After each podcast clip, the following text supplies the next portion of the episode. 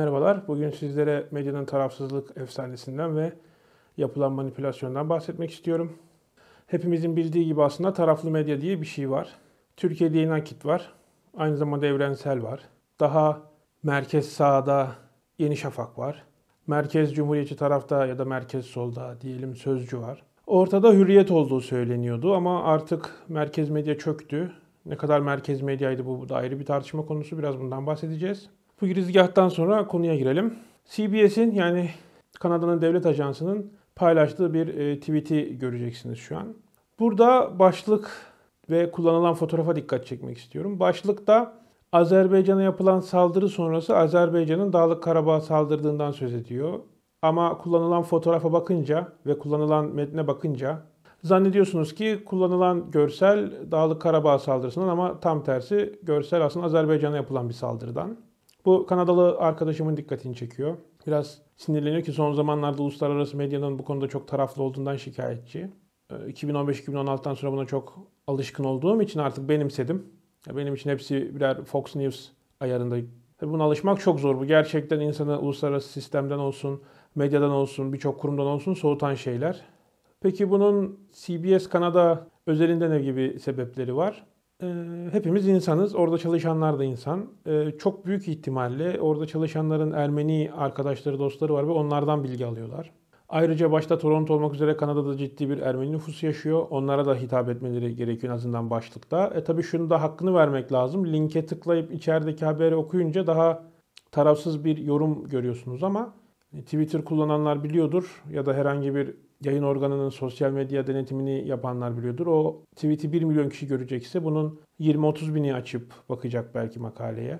Tamamını okuyup anlamaya çalışacak insan sayısı 10 bin civarıdır. Yani %1'den bile daha küçük bir durumdan bahsediyoruz. Yani burada kullanılan başlık öyle ama haberin içeriği daha doğru demek e, hakkaniyetsiz bir savunma olur.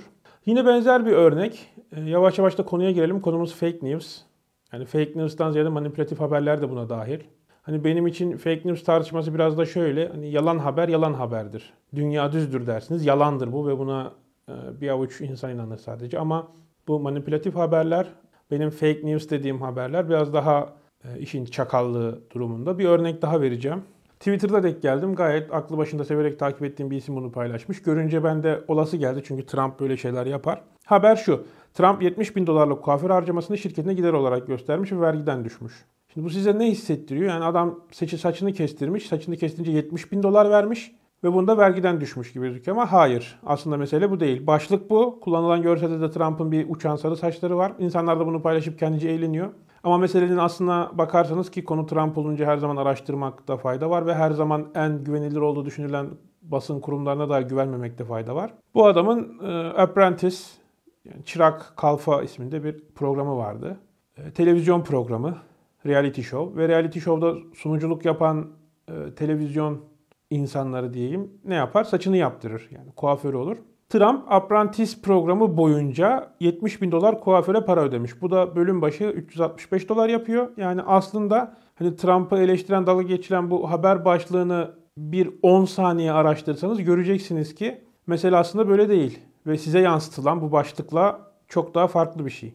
Ve size bunu yansıtan insanlar da bunun aslını hepimizden daha iyi biliyor aslında. Onlar da e, ne peşinde?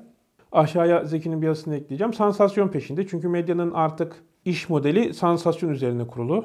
E, yayının sonunda buna bir daha değinelim. E, burada bir kitap görüyorsunuz. Kitap bu ülkeden gitmek, Türkiye'den göçenler, Türkiye'den göçmeyi düşünenler ve Türkiye'den göçme fikrinden uzaklaşıp Türkiye'de kalmayı tercih edenler ve bir nevi Türkiye içinde kendi göç yolculuklarını sağlayan insanlarla ilgili bir kitap. Henüz bitirmedim ama fena bir kitap olarak gözükmüyor. Benim dikkatimi çeken kısım aslında şu oldu. Bu konuyla çok ilgili olduğunu düşünüyorum ve biraz sonra bahsedeceğimiz konuyla ilgili. E, Profesör Doktor İbrahim Sirkeci, e, Regent University Londra'dan bir e, sunuş yazmış burada. E, şimdi burada göçün abartıldığı kadar bir sorun olmadığından bahsediyor. E, dünya nüfusunun %3.4'ü kadarı göçmenmiş. Bunun %1'inden daha az kısmı e, mülteciymiş. Yani göçün bahsedildiği kadar büyük bir problem olmadığını söylüyor ki bu kişi 25 yıldır Londra'da yaşıyor. 25 yılda Londra doğru düzgün İngiliz göremeyeceğiniz bir yere dönüştü. Bu iyi bir şey de olabilir, kötü bir şey de olabilir. Bu başka bir tartışma. Sonra bir yerde göçmen, mülteci vesaire hepsi aynı insanlar diyor. Ve özellikle şurada expat ve göçmen arasındaki suni fark diyor ki yani bu göçmenle expat arasındaki suni fark demek hiçbir şey bilmiyor demek. Bu kişi bilmiyor, biliyor tabii ama e, akademinin verdiği sıfatı ideolojik e, formasyonuyla bir araya getirip bir nevi aktivizm yapıyor burada. Hani göçmenle ekspatın arasındaki farkı söyleyeyim size. Ekspat işini bulur gelir ve geri dönecektir ülkesine. Hiçbir ekspat e, işte eşini getireyim, çocuklarımı getireyim Türkiye'ye, buraya yerleştireyim, buradan vatandaşlık almaya çalışayım gibi hisleri olmaz. Gider bir ülkede çalışır ve gelir ve sanılanın aksine ekspatlık e, işte ırkla falan ilgili bir şey değildir. Bugün Avrupa'da yaşayan bir sürü Türk ekspat da vardır. Vatandaşlık almak gibi bir dertleri yoktur ve buradaki evlerine geri dönecektir vesaire. Esas vurgulamak istediğim konu şu. Bu kişi de uzmanlığına dayanarak aktivizm yapıyor. Ve şimdi geleceğim nokta medyada kendi bağımsız, tarafsız etiketlerine sığınarak aktivizm yapabiliyor. E, aşağıya ekleyeceğim medyanın tarafsızlık efsanesi başlıklı yazıma değinmek istiyorum. İşte merkez medya, tarafsız medya diye bir şey var ki bu pek de mümkün değil. Ana akım medya aslında bir taraftır. Merkezi taraftır. Mesela Türkiye'den değil de başka ülkelerden örnek verirsek Almanya'da mesela merkez medya denilen medya aslında işte merkez çizgide bir taraftır. Türkiye'de de bu böyledir. İşte Hürriyet gazetesi merkez medya diyorduk. Daha önce merkez medyadan bahsediliyordu ki bunların da ne olduğu sürekli değişti ve sermaye ilişkileri, ticaret ilişkileriyle birlikte dönüştüler. Ana akım medyanın ayrıca şöyle bir rolü vardır. E, olağanüstü şeylerin yaşandığı durumlarda bunlar normalleştirici bir etki sağlayarak aslında ideolojik bir pozisyon alırlar. Aynı zamanda bu da bir taraftır. Mesela Türkiye'de oturup siz işte Merkez Bankası'nın faiz karşılığı vesaireyi böyle çok acayip başka hiçbir şey yokmuş gibi sürekli konuşursanız uzaktan bakınca zannedilir ki siz teknokratsınız, iktisat yorumu yapıyorsunuz, ekonomi yorumu yapıyorsunuz ama aslında Türkiye'de ekonomik sistemdeki olağanüstü koşulları normalleştirmek gibi bir görev üstlenmiş olursunuz. Ee, ultra teknokratik tarafsız bir medya olarak gözükseniz de aslında burada normalleştirme görevini yürütmüş olursunuz. Bunu her zaman bilinçli yapmak zorunda değildir merkez medyadakiler ama bilinçli yapanların da olduğunu düşünüyorum. Merkez medyanın şöyle bir durumu daha var. Mesela siz bir tartışma programı organize edersiniz.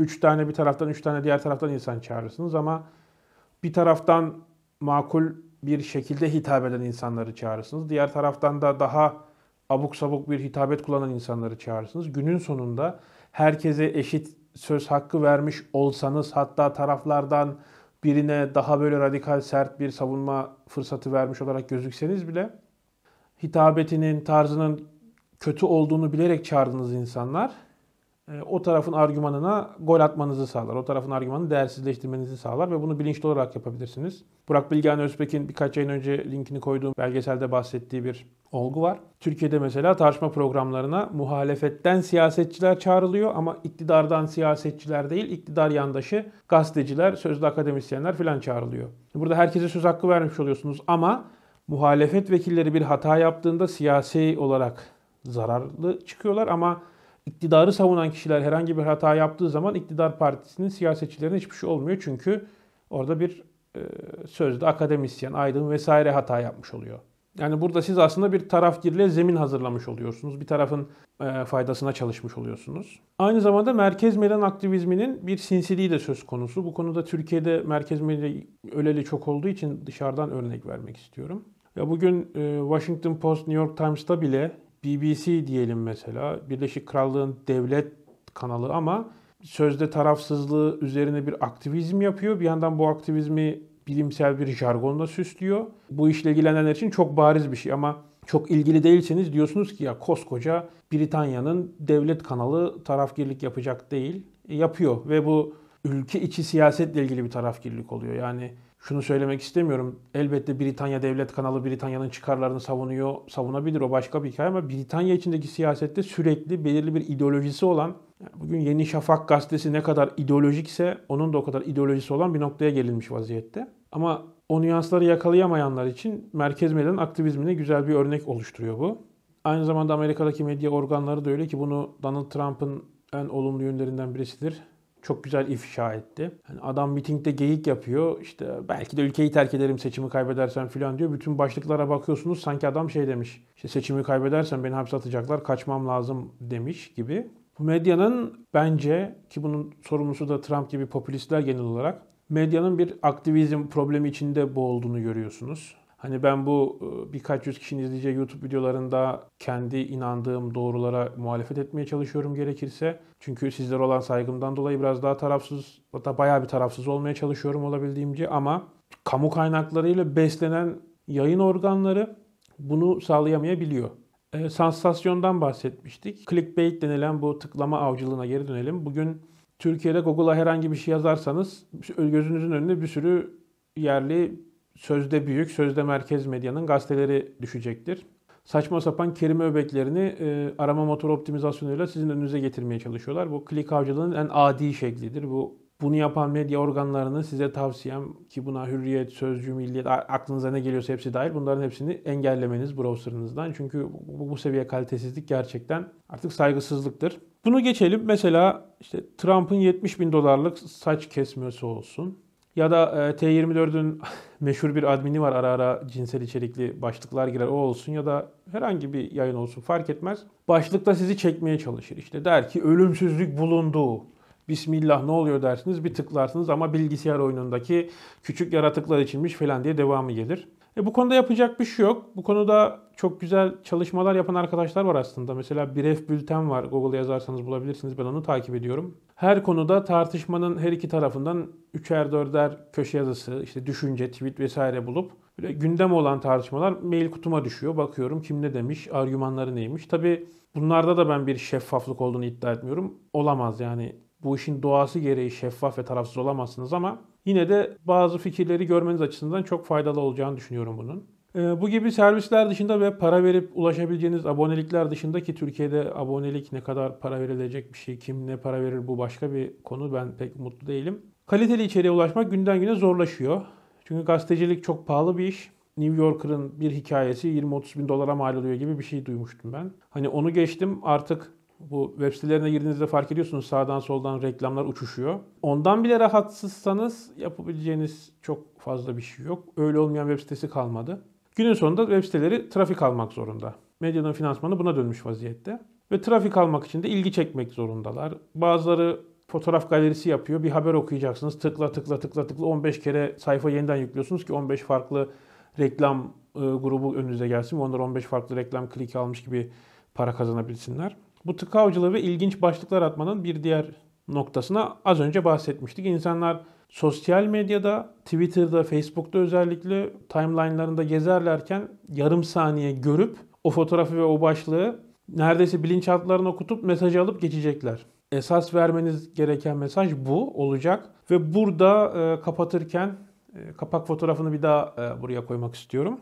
Elinizde bir olgu olabilir. Bu olgunun bir tarafına fokuslarsınız. İşte askere su veren birini görürsünüz. Başka bir tarafına fokuslarsınız askere silah tutan birisini görürsünüz. Ama hepsine fokuslarsanız esir düşmüş bir askere su verilirken diğerinde güvenlik amacıyla ona silah tuttuğunu görürsünüz. Günümüz medyasında bu fotoğrafın tamamına e, objektif tutan birini bulmanız gerçekten çok zor ve benim için yok.